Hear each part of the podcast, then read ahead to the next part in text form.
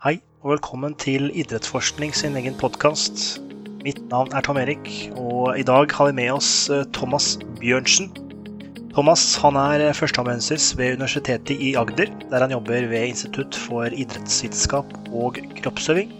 Han har skrevet en eh, doktorgrad som eh, omhandler dette med okklusjonstrening. På engelsk så blir det kalt blood flow restriction resistance training.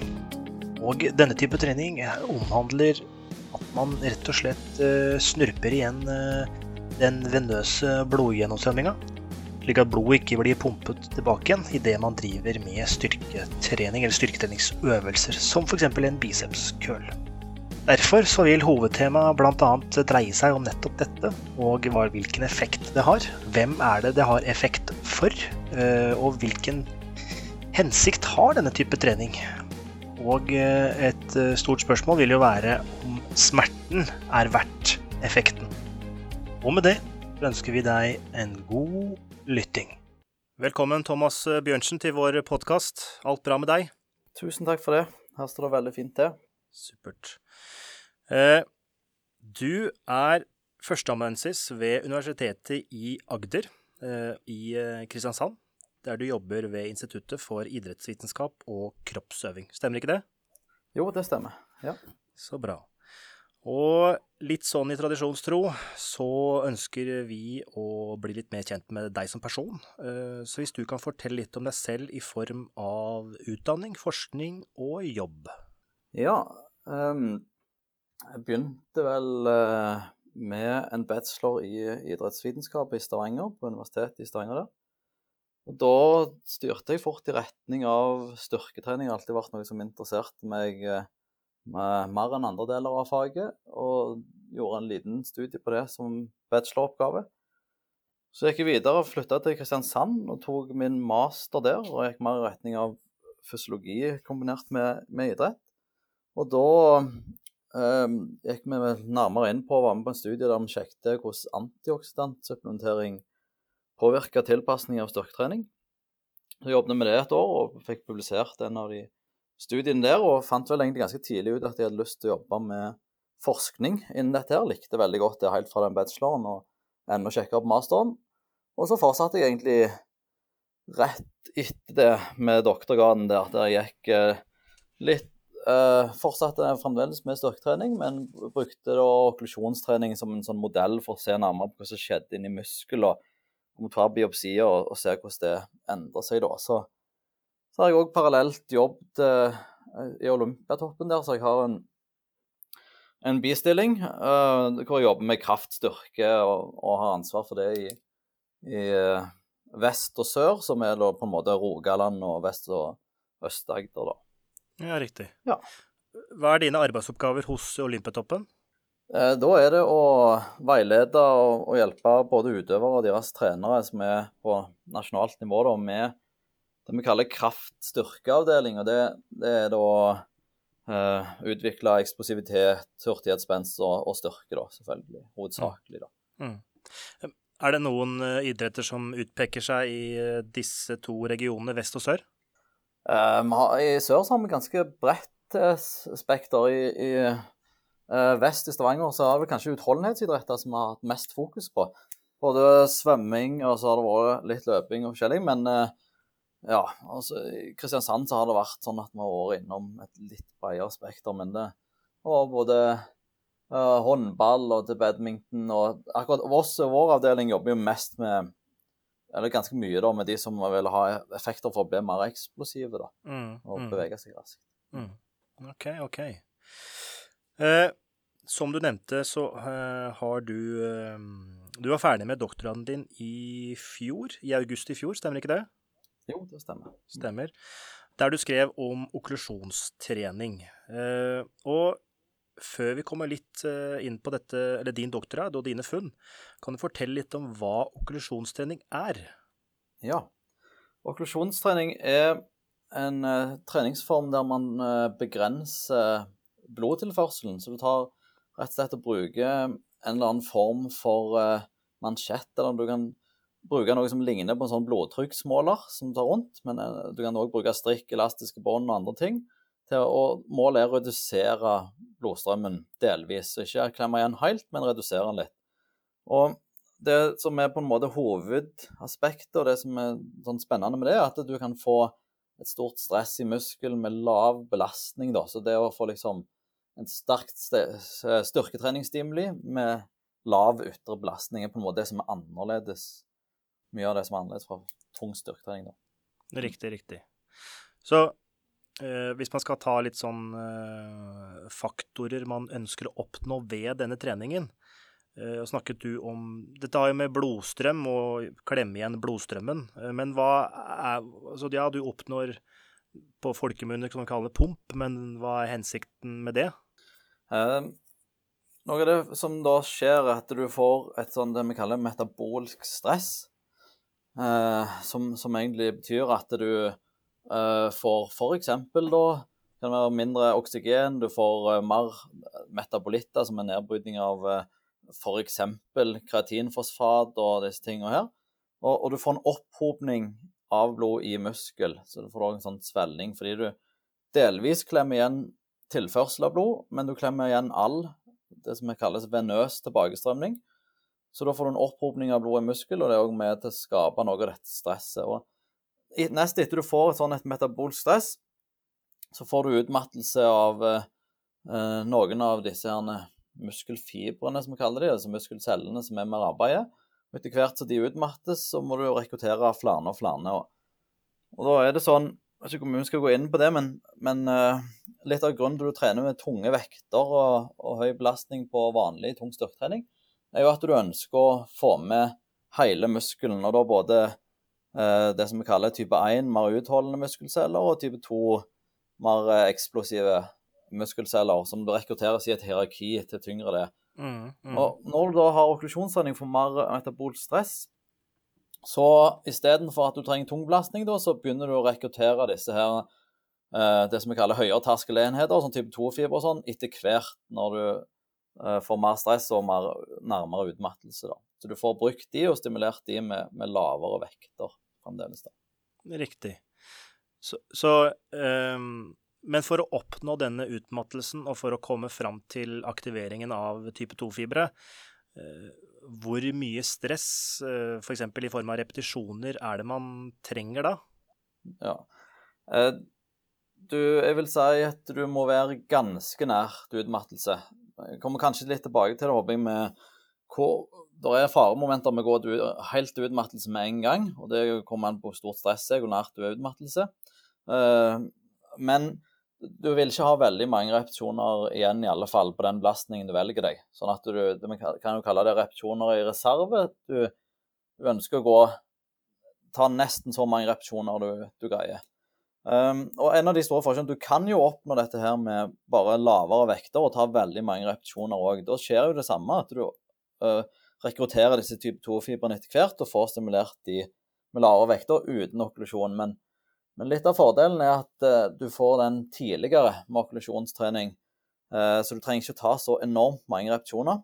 Bare for å legge et eksempel til dette så folk kan relatere til, så på 20% av maks så kan du kanskje gå til utmattelse på rundt en eh, 50 repetisjoner på første sett, og så faller det veldig på de neste settene når du har på okklusjon.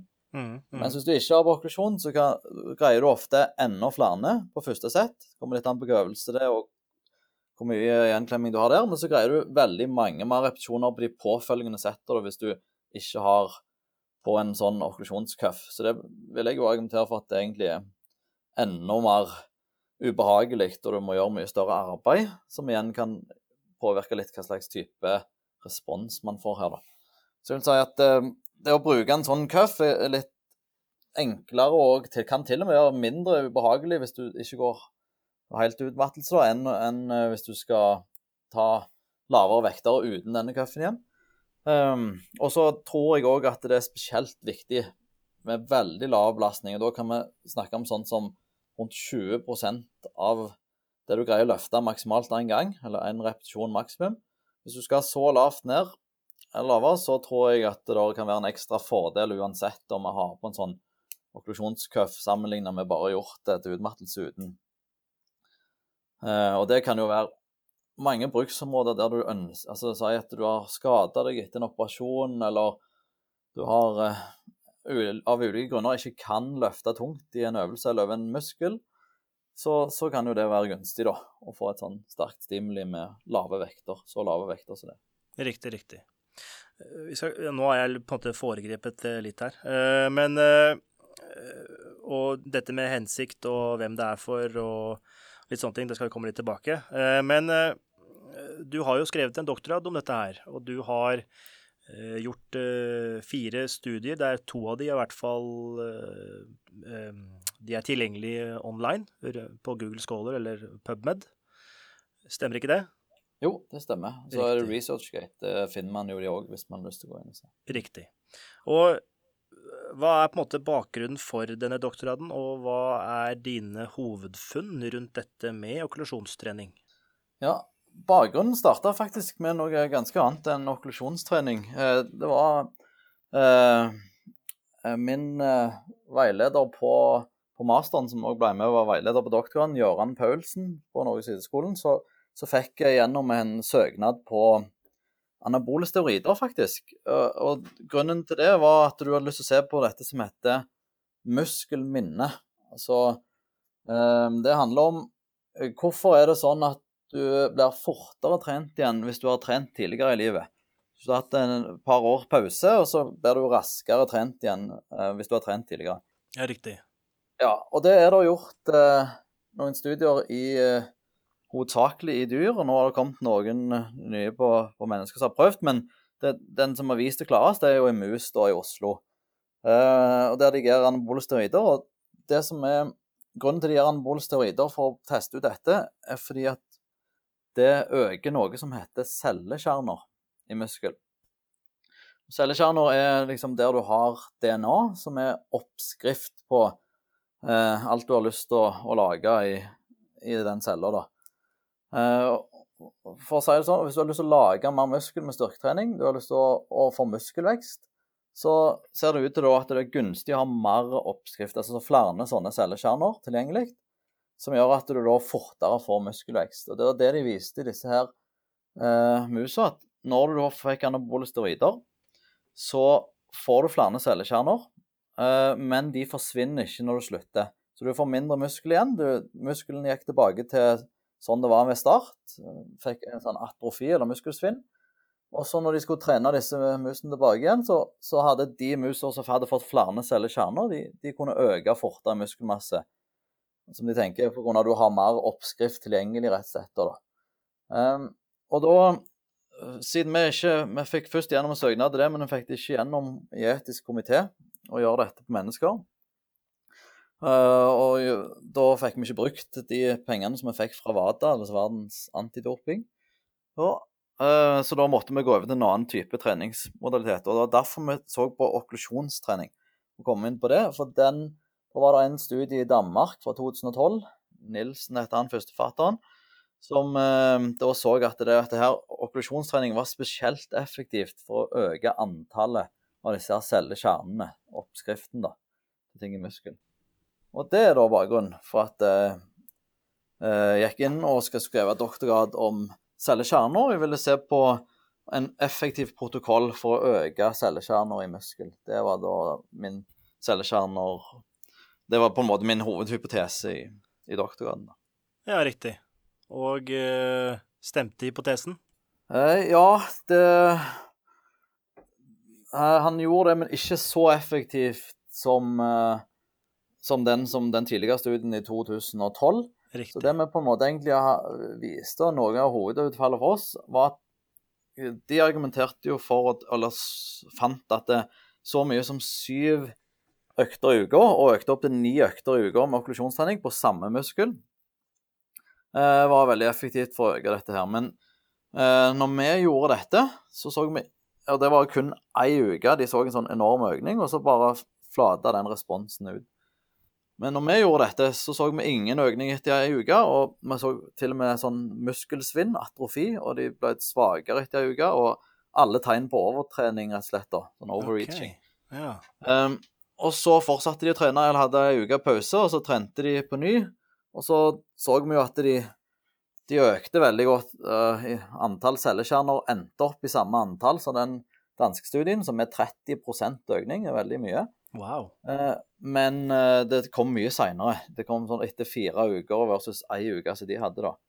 Okay. Så, så, det med på en måte En av de tingene vi har vist der, er jo at det, det kan bli for mye. da, og Det er liksom litt av viktige budskap å få fram òg, at det er veldig viktig at vi begynner rolig. Det er et annerledes type stimuli um, som kan gi tegn på muskelskade, da, mm. som, som, jeg så. Bare for å ta ett ekstremt eksempel, dette gjelder jo ikke alle, men den ene personen som var med i, i studien, han gjennomførte de tre første øktene. og det, Dette er til utmattelse, vel å merke. Så hvis du hadde begynt roligere, så er det nok bedre. men og da han, var han så sår i beina at han, han greide ikke å gå. Måtte gå på krykker, da. Så Og det var ikke mangel på innsats, så det var skikkelig uh, Ja, stor belastning for han, da. Oi. Og, eh, men, ja. hm. men er, det, er, det, fare for uh, rabdomyolyse? Ja, så det er caser som har sett det. Så det, det er en stor diskusjon i fagmiljøet i hvor stor grad. Vi har nettopp fått publisert to kommentarer nå. Uh, med Førsteforfatter er Mathias Wernbom, der vi uh, argumenterer for at dette er viktig å legge vekt på at uh, folk det, I litteraturen så er det litt bare sett vekk fra, og tenkt at det er så lav belastning, så dette er helt trygt å bare kjøre på, da. Men det er flere caser nå som har fått rabdomyolyse, som er da sånn betydelig muskelskade. Rabdomyolyse ikke helt soleklart definert, men ofte så sier man sånn at man får mer enn en 10 000 units av noe som heter kreatinkinase i blod. Man kan måle det. Og det, det, er egentlig noe som skal være i muskel. Du har det inni muskelcellene, denne kreatinkinase. Bryter ned kreatinfosfat, men så lekker det ut i blod, ulike proteiner. Og da, Det er et tegn på at du har skada mye av muskelen, da, med rabdomyolyse. Um, og det har skjedd, da. Ja, så hos oss så var det noen økning. Vi så ikke noen som er Nå fikk ikke vi mål på han her på krykkene så lenge, i den perioden der vi, vi burde ha gjort det for å sjekke om han hadde rabdomyolyse, men, men uh, det økte kraftig disse her proteinene som skulle vært i muskel, iallfall. Og i tillegg så fikk de etter ei uke så hadde de mindre når vi tok biopsier, mindre muskelceller. De hadde atrofi av de, ser det ut som. Og, og reduksjon i styrke. Og det, det tror vi fordi det var så voldsomt, det var så mye, da. Så take away fra det er at det, det, det, det, er veldig godt dokumentert at dette kan gi en god effekt, men det går an å gjøre det for mye. Så pass på litt, eh, spesielt i starten, med gradvis progresjon. Eller sagt helst ikke gå til utmattelse på de to første øktene når du prøver dette. Bare hold igjen, bare stopp en del repetisjoner ifra, og så kan du heller gå til utmattelse etter hvert. Og så er det nok litt mye med syv økter i uka på samme muskel i starten, iallfall. Ja. Men eh, du nevnte bein. Hvilken øvelse var dere trente? Så vi, vi, trente bare en sånn en kneekstensjon der du strekker ut kneet i en maskin. Og det gjorde vi jo bare for, for, å teste ut det prinsippet, pluss at det, det er litt lettere å, å gå veldig langt til utmattelse. Sånn, eller Det der å definere utmattelse er jo litt vanskelig, fordi det, det er jo subjektivt. sant? Tid er det man ikke greier å presse mer? Hvis det plutselig sto om livet, så greier man ofte en, en til, da.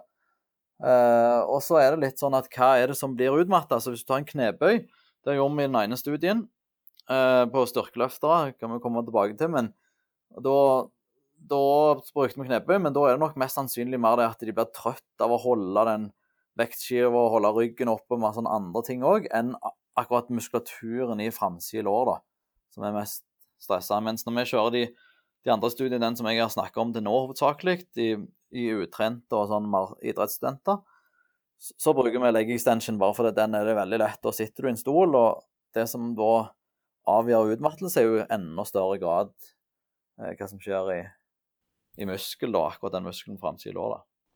Eh, men var det noe, eh, Så dere noen forskjell i eh, effekt av denne treningen versus eh, idrettsstudenter og styrkeløftere?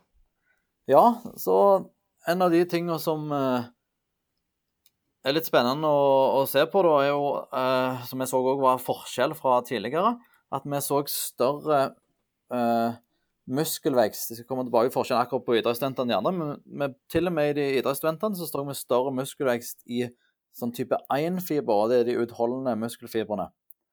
Og vanligvis, vanlig tung styrketrening får større muskelvekst i type 2-muskelfibre. Eh, så det store, største forskjellen med styrkeløfterne var at de hadde ingen muskelvekst som jeg greier å spore. så Det var sånn ganske nært null eh, prosent endring i eh, type 2-fibre. Men de hadde en betydelig økning, jeg tror det var rett over 12% i type 1-fibre. Så muskelveksten hos de så nesten ut til å bli forklart ganske mye, eller alene av type 1-fibertilpasning, som er motsatt av vanlig tung styrketrening. I de utrente så økte òg type 1-fibrene mer enn type 2, men der økte begge to, da. Så de har på en måte responser ja, i begge muskelfibertypene. Uh, Matthew var inne på din research og så på den micro-RNA in muscle characterizing the powerlifting phenotype. Uh, var dette en studie som på en måte ledet videre til å la, la grunnlaget for å teste uh, styrkeløftere? nei, det var vel kanskje mer at vi, vi hadde allerede fått uh, testa begge gruppene. Og så hadde vi lyst til å se og lete bare på mer uh, hva slags forskjeller det er i bare geneksplosjon, kalles jo det, da. Hva slags gener som blir kopiert uh, i styrkeløftere og uh, sånne idrettsstudenter, var jo det, eller utrente, men de er idrettsstudenter. Så det hadde ikke egentlig noe med okklusjons trening og sånn å gjøre, men det var bare at når vi først hadde biopsier fra styrkeløftere som var på landslagsnivå eller kvalifisert til, til NM, så, så, tenkte vi at nå, dette er jo kjempespennende når vi har de muskelbitene der, til å se på er det sånne bare tverrsnittsforskjeller da, i eksplosjon av gener. Og, og det mRNA er det som kopierer opp eh, DNA, men i tillegg til det så har du noe som heter mikro-RNA.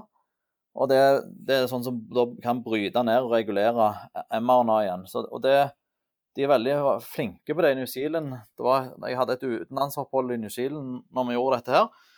Uh, og der er de veldig dyktige på det og har kommet litt lenger på denne her M, altså mikro-RNA-type analysene. Så det var derfor vi ville se på om det var bare noen sånne tverrsnittsforskjeller mellom de veldig godt trente og ikke. Ja, og det, og det var det? Ja, det var noen forskjeller eh, i noen gener, men eh, det, er, det, er, veldig tidlig fase akkurat når det gjelder mikroRNA-biten. Så helt hva de forskjellene betyr, og hva det avgjør i, i regulering av muskelmasse og treningstilpasning og sånt, det, det, er litt tidlig å tolke for mye ut av ennå, da. Men, eh, okay. men vi, vi, så ikke noen klare paralleller til akkurat, Jeg vet ikke hvordan Akkurat det påvirker ikke noe med denne type 1-fiberresponsen som vi vet om, da iallfall. Mm, som, vi Fant, som var dominerende. Eh, mm. Men eh, med denne 12% økningen i eh, type 1-fibre hos styrkeløftere, ble det også en økning i muskelstyrke? Ja, stemmer. Så der har vi en sånn liten metodisk utfordring i studien. Vi, vi valgte å teste de i frontbøy, én repetisjon maks med maks styrke, da, den ene øvelsen, og så legge extension. Og front frontbøy ble bare valgt bare fordi at de trente i frontbøy. Argumentet for det var at det den altså skal liksom stresse framsida og lår bitte litt mer, og det er jo den muskelen som er under mansjetten, altså du får okkludert, i tillegg til den muskelen som jeg tar biopsi av. Um, og, så i den øvelsen Det som var dumt, da, er at disse Det viste seg jo, uten at vi var veldig godt klar over at de hadde ikke trent så mye uh, frontbøy fra før. Så den øvelsen greide vi ikke å se noe forskjell i, og det er jo ikke så rart når den kontrollgruppa som vi sammenligna med, trente jo tung frontbøy. Den, den hadde jo ah, flere uker med tung frontbøy, mens den okklusjonsgruppa trente jo da lett okklusjonstrening og fikk mer muskelvekst. Det var da signifikant forskjell på både biopsier og på, med ultralyd på hele muskelen. Men der var det ikke noen styrkeendring. Men når vi så bare på leg extension, da, ja. så var det kun okklusjonsgrupper som økte fra fra baseline, da. Så du så iallfall Der så det ut til å være en indikasjon på at det var akkurat det styrken i framsida lår så ut til å øke, mer i okklusjonsgruppa. Mm, mm. Men um, Og da beveger vi oss litt fra på en måte litt hva okklusjonstrening er, og litt hva hensikten er. Og vi har snakka litt om hva hensikten er med dette med opphopning av metabolitter inn i muskelen og få blod inn, og beholde det blodet inn i muskelen, slik at det ikke pumpes tilbake. Er det, er det kun hensikt her for å øke type 1-fiberne, eller er det eh, andre hensikter med den type trening? Du snakket litt om uh, dette med volum, at volumet potensielt kan være mindre hvis man skal sammenligne uh, okkulasjonstrening med metodisk, eller med muskulære utholdenhetstreningsmetoden versus uten okkulasjon. Uh, men ja, kan du fortelle litt om hva mer hensikten er rundt denne treningen? Så bare selve det med Hvis du bare hadde gjort det uten okkulasjon, sånn muskulær utholdende type trening, som sier, eller du bare går til utmattelse uten den, så tror jeg fremdeles det, du hadde fått litt av samme hvis dette stemmer, da. Nå, nå er det jo begrensa med studier som har vist så klar til, til sånn preferensiell type 1-vekst som vi så, men um, så, så, tror jeg nok det gjelder uansett om du har på en sånn cuff eller ikke, vil jeg, vil jeg tippe. Og jeg tror nok det er relatert til at du, du, Vi snakket om dette med rekruttering, at du gradvis rekrutterer type 2-fibre, sånn, som vi kaller sånn høyere terskelenheter etter hvert. Eh, men uansett om du gjør det, så tror jeg nok eh, stress og tida med arbeid og, og disse tingene her blir jo større for type 1-fibre. De blir jo òg utslitt. Og en, I tillegg til det så får de en annen type eh, litt annen sånn type stimuli med metabolisme, hvor de ikke har så mye oksygen tilgjengelig som de pleier å ha. da. Så det kan òg ha en, en, påvirkning. Vi har blant annet en, en, av de studiene vi så på, så at det var en høyere tømming av glykogen i type 1-fibrene eh, enn type 2-fibrene. Og vanligvis med tung styrke så har du det motsatte. Da, da har du, du har både mye mer glykogen, og den, de er mer glykolytiske, som det kalles. At de er flinkere, det, bedre til å bruke glykogen òg. Så, så det er òg litt sånn det kan tyde litt på at det er en annen type stress for disse type 1-fibrene uansett. da. Og Så kommer vi til hva, hva, hvem er dette her kunstig for, da. Og Det er jo kanskje litt relatert til det spørsmålet du spurte med styrkeløfterne òg. Nå, nå er det sånn at den største forskjellen på type 1 og type 2 i akkurat det som er relatert sånn eh, styrke og kraft-type prestasjon, er jo eh, til høyere fart du har, og det mer eksplosivt det skal være til mer avgjørende og til viktigere er det at du har type 2-fibre. De er, det er den største forskjellen med, mens type 1 er treigere. Um, og da er det jo veldig vanskelig å si hva skjer da hvis du beholder type 2-fibrene dine. For det, du får ikke mindre, iallfall, og kanskje øker de bitte, bitte litt, men du øker type 1 enda mer, da. Og da kan du si at du øker liksom rasioen fra type 1 til type 2. Eh, areal, iallfall. Og det, det, det, veldig vanlig. Det blir bare å spekulere enn så lenge. Eh, hos oss økte jo, så det ut som det økte styrken i framsida og styrkeløftene, men de løfter jo relativt treigt. De, de, må ikke gjøre det så eksplosivt. Så det kan godt være at dette ikke er så gunstig for eh, eksplosive utøvere. Iallfall eh, å bruke mye av det. Jeg ville heller sagt ja, hvis du uansett bare skal beholde muskelmasse i skade etter skader eller rehabilitering og sånne ting, så tror jeg nok absolutt jeg vil anbefale det. Og det har vi brukt mye i Olympiatoppen òg. Jeg har gjort det med diverse utøvere der du kan vedlikeholde store deler av muskelmassen gjennom en rehabiliteringsperiode istedenfor det vanlige store muskelsvinnet som man ser. Riktig. Men da, men da med mitt mindre volum? Ja, da ville jeg ikke begynt med syv økter i uka, men, men det det igjen, husker at det som jeg fortalte med de syv øktene i uka, det var jo på idrettsstudenter som ikke vant med så mye. Si at du har en skikkelig kraftutøver da, som trener kjempemye tung styrke, eh, og så går han fra det til å skade seg og ikke gjøre noen ting som helst. Så er jo det en enorm reduksjon i belastning. Så det, det kan godt være at han kunne trent okklusjon ganske ofte. Eh, sånn nesten opp imot syv økter etter hvert, men jeg, jeg ville bare begynt veldig rolig. En av de tingene som viser litt, det er at um, vi har til og med hørt Det er iallfall to caser som har, jeg har kommet i kontakt med som har vært styrkeløftere på litt lavere nivå, som har fått rabdomyolyse da, eh, fra okklusjonstrening. Og Det synes jeg er en veldig interessant case, fordi de er jo på en måte allerede beskytta, kan man si, på en måte fra vanlig styrketreningsstimuli. De, det er noe som heter repeated bout effect, der du får en beskyttende effekt av å allerede ha trent, så du tåler veldig mye mer etter når du har trent en del ganger den siste uka og, og har god treningsstatus. Men når disse styrkeløfterne får rabdomyolyse, så tyder jo det på at det er en litt annen type stress som de ikke er beskytta mot, som ikke beskyttes mot med vanlig tung styrketrening. Eh, og det tyder på, eh, sånn tolker vi òg som at uansett om de er ganske godt styrketrent, så bør de begynne rolig med denne type trening, da, siden det ser ut til å være et litt annen type stress. Mm. Så, så, ikke starte med syv i økter i uka, og ikke gå til utmattelse i starten, heller legge på gradvis. da. Riktig.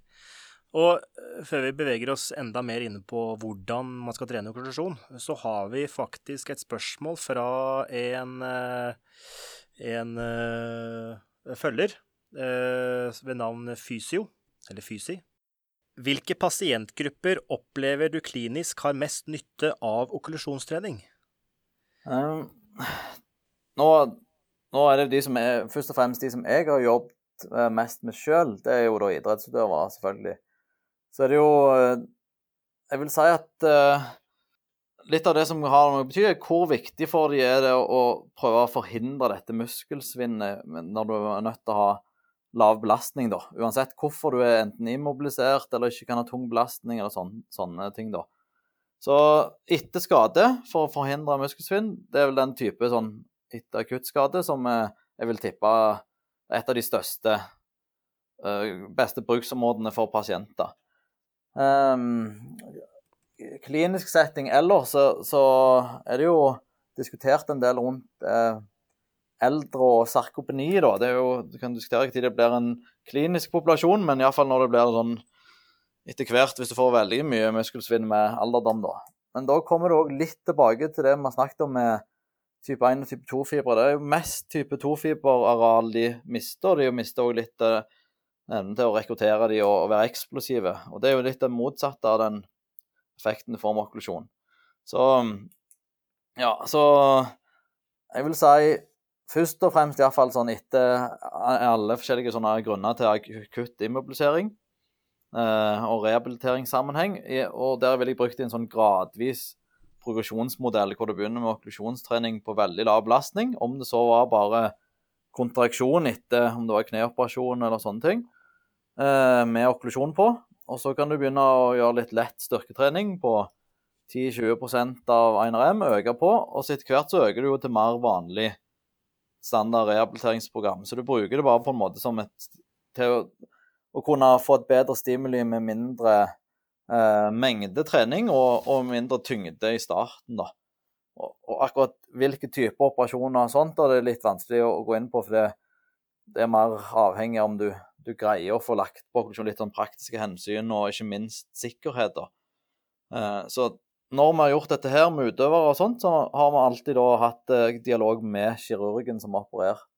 Eller om det var fysioterapeut og sånne andre ting, sånn at vi er sikre på at eh, den belastningen som vi legger på den, det problemet eller skadestedet og sånt, blir ivaretatt da samtidig. Mm, mm. Mm. Og sånn rent historisk så stammer vel denne type trening fra fysioterapiens eh, verden i Japan? Ja, det Eller det er iallfall han som gjorde det populært, da. En som heter Sato, eh, som var da en fysioterapeut fra Japan. Og han begynte liksom det er i fall, eh, Han har rapportert sjøl at han begynte å kjenne på en sånn en type nummen følelse når han satt i ulike posisjoner på sånn messe og, og, og sånne type greier. Og så begynte han å lure på hvordan funker dette i treningssammenheng.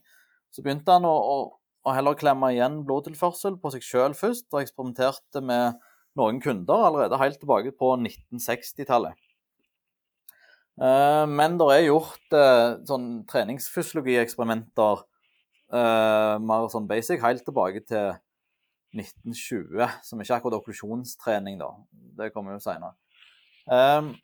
Så han, første, 1980 var vel første gang det kom sånn engelskspråklig litteratur og studier som er publisert på dette. Og siden nå, siden 1980, da, så er det jo en haug av studier uh, som har gjort det. Da. Så det er, det er, ganske godt dokumentert på at det har en uh, ganske tilsvarende effekt på, som tung styrketrening muskelvekst. Litt uh, dårligere effekt på maksimal styrke ser det ut som, enn noe. Og, og, litt av grunnen til det ser ut til å være at det, det er ikke så Det ser ikke ut til å være noe særlig tilpasning i der nervøse tilpasningen med å aktivere muskel. Eh, den får du jo mer med tunge vekter. Så det er jo viktig å huske på. Eh, I tillegg til det så ser det ikke ut til å være like god senetilpasning. Eh, og, til, og det er jo viktig å ha i bakhodet her. Så til og med etter rehabilitering, da, så hvis du vedlikeholder muskulaturen, og mye av styrken i den òg, da, men du ikke har tilpasning og, og vedlikehold i like stor grad i scenene, så kan jo det lettere føre til skade igjen. Eh, at du på en måte har for stor økning i belastning, hadde jo det vært da, hvis du plutselig begynner med tung styrketrening. Um, så det er bare, bare, viktig å ha i bakhodet. Jeg tenker at det er bare en del av det, så du må på en måte ha, ha det i bakhodet, prøve å vedlikeholde, men også uh, passe på belastning på den tunge delen òg, som går på scenen, og bindevev og strukturer, sånn som det, da. Ja, så dels at okklusjonstrening alene i en lang periode vil ikke være helhetlig optimalt med tanke på å øh, stimulere både det nevromuskulære og øh, sene- og bindevevet. Stemmer. Absolutt, ja. Så da er det jo veldig Både får du ikke den tilpasningen, og så er du ganske utsatt da hvis du har enten økt eller vedlikeholdt en stor muskelmasse som har en ganske stor styrke, og så plutselig går du ut og gjør eksplosive ting, tunge ting med stor ytre belastning, da. Så får du en veldig kraftig økning i, i belastning over de strukturene uten at du har tilpassa deg til det. Ja, ikke sant. Mm. Bra. Uh, og da beveger vi på en måte oss eh, litt mer mot hvordan. Og vi har jo snakket både om hva slags motstand man potensielt burde trene på. Du har nevnt 20% av det du klarer maks. Eh, vi har hørt litt om hvor mange repetisjoner man kanskje burde ta. Eh, I hvert fall innenfor muskulær tålenhetstrening så var det Dersom du jobber på ca. 20% så var det rundt 50 repetisjoner. Eller mindre, færre. Det vil jo ta færre etter hvert eh, når settene øker.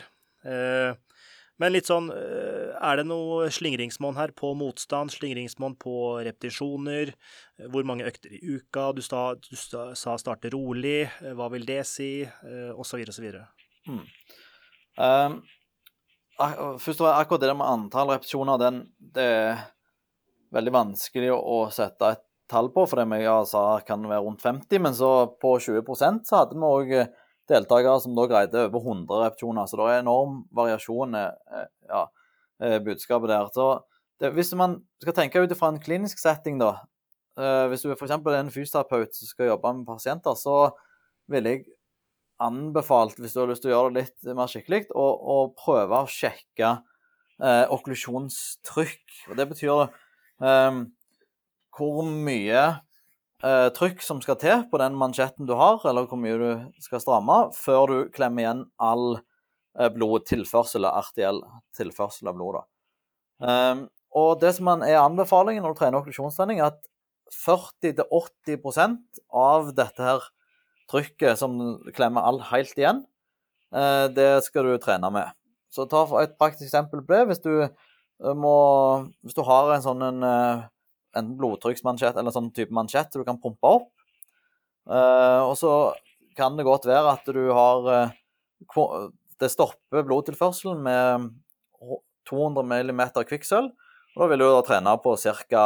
100 eller rett over det, da. Som er sånn 50% av det.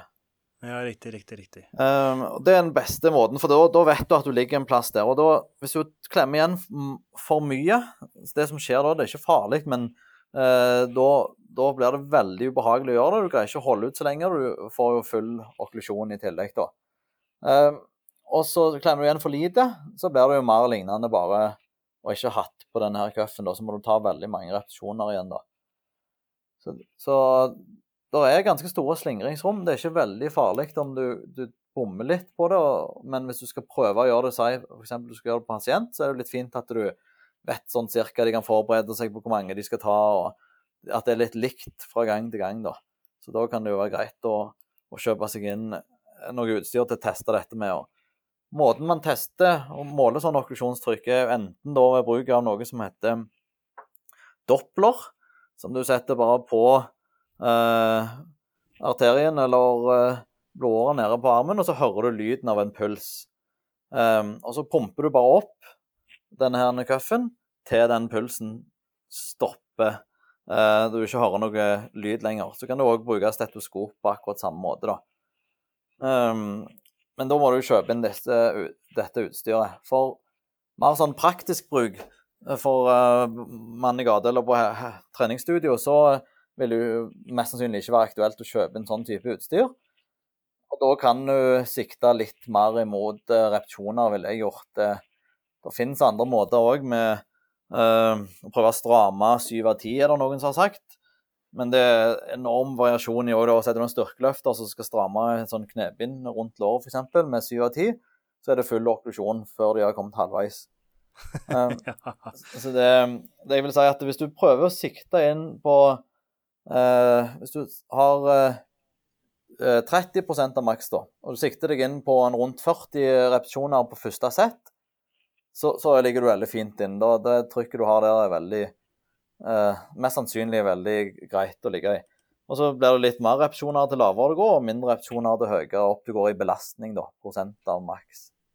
Greit. Men eh, når det kommer til hvor mye motstand man kan ha, for du sa rundt 40 er optimalt, men uh, uh, altså kan man Hvis man kun klarer f.eks. 12 repetisjoner, er det da at man vet at ok, nå har jeg for stramma for hardt, nå må jeg løsne opp litt? Mm, så da er det nok enten stramme for hardt, eller så blir jo selvfølgelig repetisjonene færre når du øker motstanden nå, da, hvis du har det tyngre. Men hvis du vet at det ligger på 30 eh, av maks, og du ender på godt under 20 repetisjoner, så har du nok stramma til for hardt. Da vil jeg stoppe opp litt. Um, ja. Og akkurat hva, hva, prosent du skal ligge på i belastning, eh, det kan du variere, men litt av poenget med okklusjonstrening, sånn som jeg ser det, er jo dette at du kan bruke det som en enten deload på alle andre eh, ledd, strukturer, bindevev eller sånne ting, der du, du kan få et sterkt muskulært stimuli, men stresser stresse litt mindre på andre strukturer. Og da, da er det ofte at du liksom ligger unna 40% av maks eh, løft eller 1RM når du trener, da.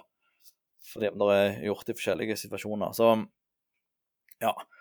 Eh, og så er det også sikkert viktig å si da, at den her som du skal ta på, enten om det er strikk eller cuff eller eh, mansjett eller hva det, Du kan bruke forskjellige ting. Knebind er det mange som bruker, sånn som du har rundt knærne når du løfter knebøy. Eh, så, så ville jeg brukt de og tatt de så høyt oppe i armhulen du kan, eller oppe i lusken sånn så høyt oppe på beinet du kan. Alltid. Kun de to plassene. Og litt av grunnen til det er bare at til og med hvis du skal trene legg, da, så er det veldig vanskelig å de, bare delvis redusere blodstrøm hvis du snurrer den rundt eh, rett nedfor kneet der. Da er det så lett at du bare klemmer igjen all blodtilførsel. Ja, riktig. Så jeg ville bare brukt eh, de plassene uansett. Da. Ja, ja. Mm. Så, så, treningen kan eh, rent praktisk sett kun utføres på lemmene våre? Ja, det er egentlig i hovedsak så er det jo de på en måte som du får dette største stresset på. Men det er òg noen studier som f.eks. på benkpress, der du ser en bedre effekt på bryst og mer muskelvekst av det, fordi du eh, okkluderer armen da, og triceps, egentlig. Og Tanken på det er nok hovedsakelig Det kan være noen sånne systemiske responser som, som er diskutert, men, men iallfall i hovedsak så tror jeg at eh, når du da uh, utmatter triceps, så må da brystet ta over mer av det, den belastningen og jobbe aktiveres mer da i tillegg. Så Sånn sett så kan du jo iallfall da redusere den vekt og motstanden du løfter, hvis det er et mål, da. Men det er jo helt klart mest eh, optimalt for muskler som er nede på lemmen, ja. ja. Så man kan si at eh, benkpress med mansjetter blir mer en isolasjonsøvelse for pectoralis? Ja, så du kan gjøre det litt mer sånn, ja. Litt mindre bidrag fra triceps. Eh, vi snakket jo litt om det, det er stort sett kun de muskulære effektene man får. Eh, og eh, hvis du skal på en måte velge fra øverste hylle når det kommer til treningsmetodikk for ulike utøvere, idretter, populasjoner, kliniske pasienter rundt omkring, er det okkulasjonstrening du velger først da? Altså, er eh, smerten du får For jeg har jo prøvd dette her sjøl. Og eh, det var ikke så gærent underveis når jeg eh, trente biceps, men jeg var jo støl to uker etterpå. Jeg kunne nesten, nesten ikke rette ut armen min. Ja. Så jeg tenkte at eh, dette her skal ikke jeg gjøre noe mer. Men så er, er, som min gode kollega Matthew pleier å si, is the juice worth the squeeze? Ja. um, jeg, jeg, vil si at for først og fremst sånn, hvis du skal velge en treningsmetodikk for uh, styrketilpasninger og sånt uh, uh, generelt, så, så, velger du tung styrketrening. Det er jo det er ikke noen tvil om det. Også. Men jeg ser mer på det som et verktøy, da. Uh, et verktøy der du um, av hva som helst slags grunn, og du kommer borti ganske mange hvis du jobber med utøvere eller folk som vil utvikle muskulatur eller vedlikeholde det eller og rehabilitere, der du ikke har mulighet til å legge på tung belastning. Så når du ikke har mulighet til å bruke tung belastning, men ønsker å stimulere muskulatur, så er det et av de beste, et sånn veldig godt verktøy å bruke. Men hvis du kan bruke tunge vekter, så bruker du det. Altså, og da er det i så fall heller et supplement. Sånn som den styrkeløfterstudien vi gjorde, der, der trente jo de tunge vekter òg. Det, det varte i seks og en halv uke, hele den studien. Og så bytta vi kun ut to uker med frontbøy var jo det, da, for, for ei halvparten av disse styrkeløfterne. Og så fikk de en sånn supplementerende effekt. Så det kan òg være at hvis du bare legger det til tung styrketrening, så, så, kan du få en ekstra effekt. Det, det, er mulig. Men hvis du bytter det ut og bare ikke trener tung styrke, så ja, det tror jeg ikke er veldig fordelaktig. Hvis du ikke må gjøre det pga. en eller annen skade eller sånn. Og eh, det er jo en del forskning som finnes på dette med okklusjon. Og ser du en eh, økende trend, eller økende bruk av mansjetter hos ulike utøvere, og i så fall eh, hvem og Eller hvem bruker de i så fall? Ja, på utøvere så ser jeg faktisk ikke så mye økning. Det er vel mest vi som bruker det på de, de for de kommer jo til oss når de er skada, da. Det er riktig. Eh, men uh, på treningssenter så ser du økende bruk. Der der ser du en del eksempler som går og eksperimenterer sjøl, og da kan det jo være ganske mange som du hører om, som, sånn som du beskriver med at du støler de to uker etterpå. Og, da er det litt tilbake egentlig til det at uh, det, det, er veldig Jeg ville tippe da at det på en måte har vært litt for mye på den første økta. At hvis vi hadde heller, og, og med det kunne det vært at si at du heller hadde begynt med to sett og du holdt deg eh, god del ifra utmattelse, sånn minst fem-ti repetisjoner ifra utmattelse på første gang, da. Mm. Og så gjorde dette her flere økter uten at det gikk to-tre uker mellom, da, så, så, tror jeg at du kunne unngått litt av den kraftige stølheten og, og muligens sånn, til og med muskelskade som noen får der, da. Noen får jo det.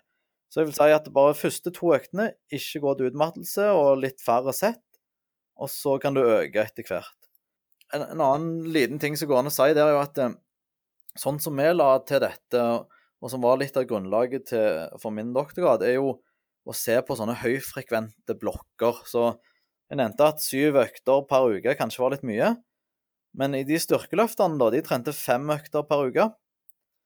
Og så hadde de kun eh, I løpet av den seks og halv uke treningsperiode, så var det kun uke én og uke tre så de trente okklusjon. Så kun to uker med fem økter.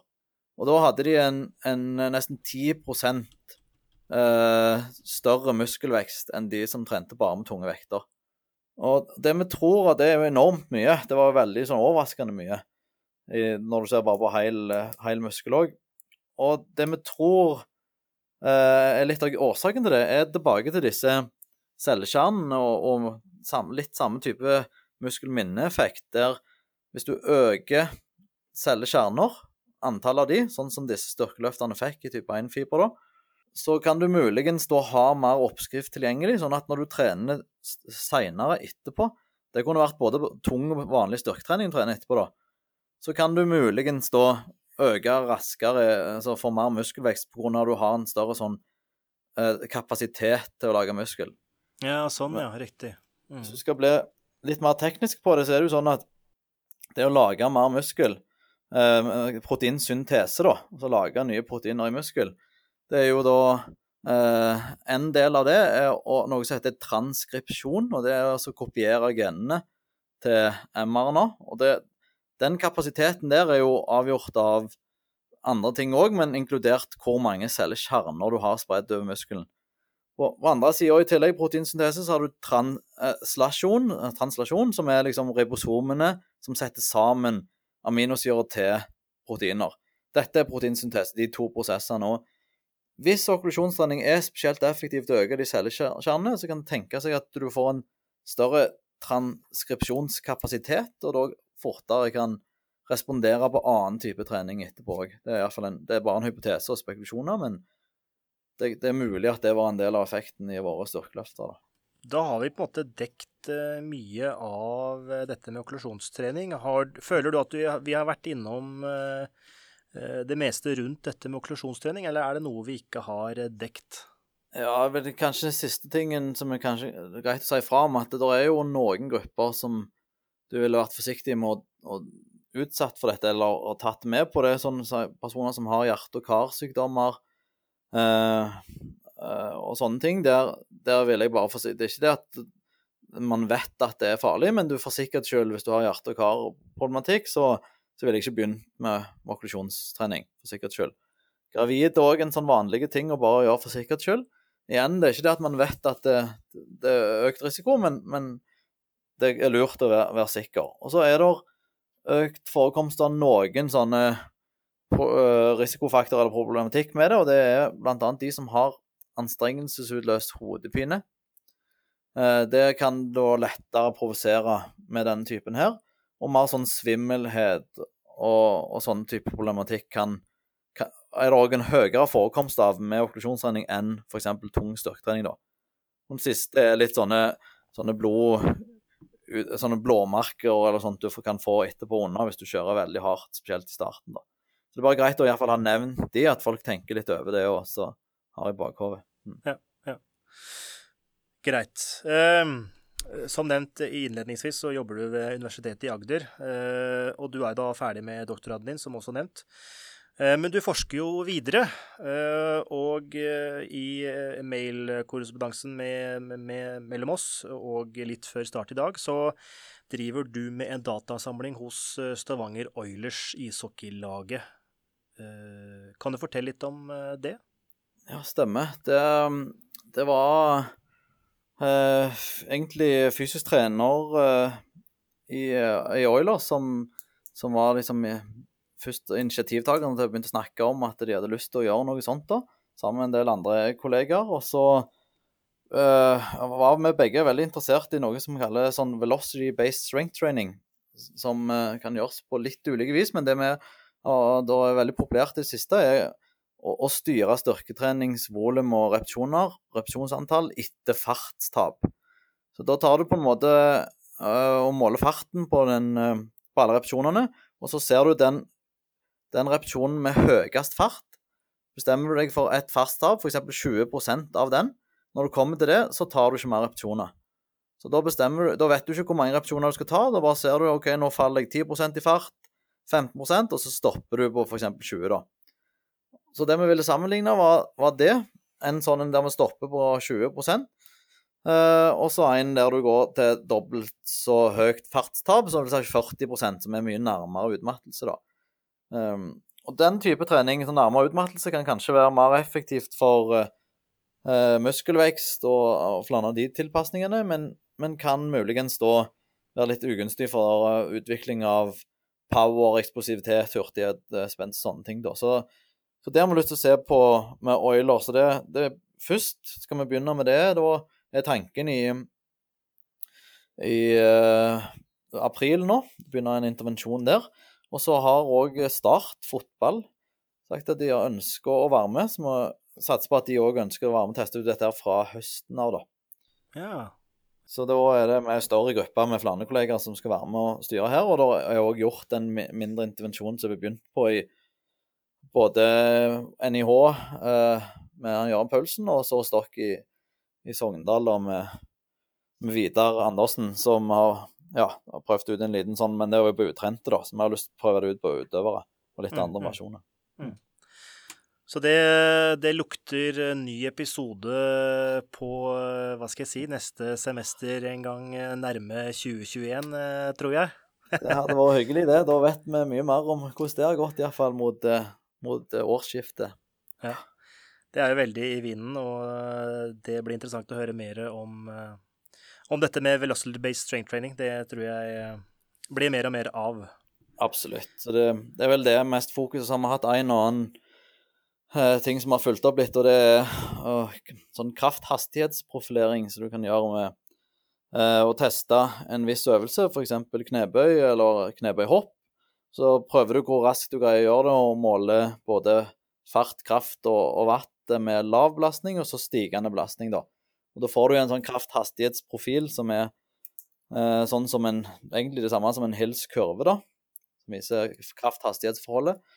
Um, og så har vi prøvd da Det har blitt veldig i vinden i det siste å fordele uh, utøvere på sine svakheter, da. At du trener på, hvis du ser på den krafthastighetsprofilen, at du er ganske sterk, men ikke så uh, flink og presterer så bra på lavere belastninger. altså sånn, du, du er ikke så rask da, med kroppsvekt.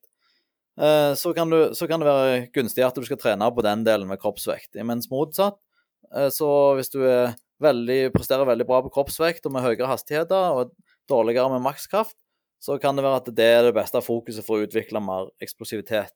Det har vært veldig vind i det siste, så vi gjennomførte akkurat en studie for, for litt siden som er på ØIF håndball eh, og stjernenhockey, som vi holder på å, å skrive ut nå. Det er en, en som skal begynne et stipendiat nå straks i Kristiansand, som, som sender inn et paper på det denne uka, og så følger vi opp der. Så der òg har vi jobbet ganske mye, da, men det veldig sånn kort og raskt så ser det ikke ut til å være så enkelt å styre treningsfokus individuelt basert på sånne profiler, da. Ja, riktig. Men hva er da effektmålene her? Er det fordi, ja, selv om du La oss si du har en eh, bratt kurve, da. Hvis du har eh, kraft på Y-kurven og fart på Eller hastighet på X-kurven, så tilsier det at du skal trene hastighet, eh, så ikke at du får en mer balansert kurve. Eh, men gir det Det å gå fra en styrkefokusert kurve til en balansert kurve, gir det en økt prestasjon på banen, da, eller for disse håndballutøverne snakket om?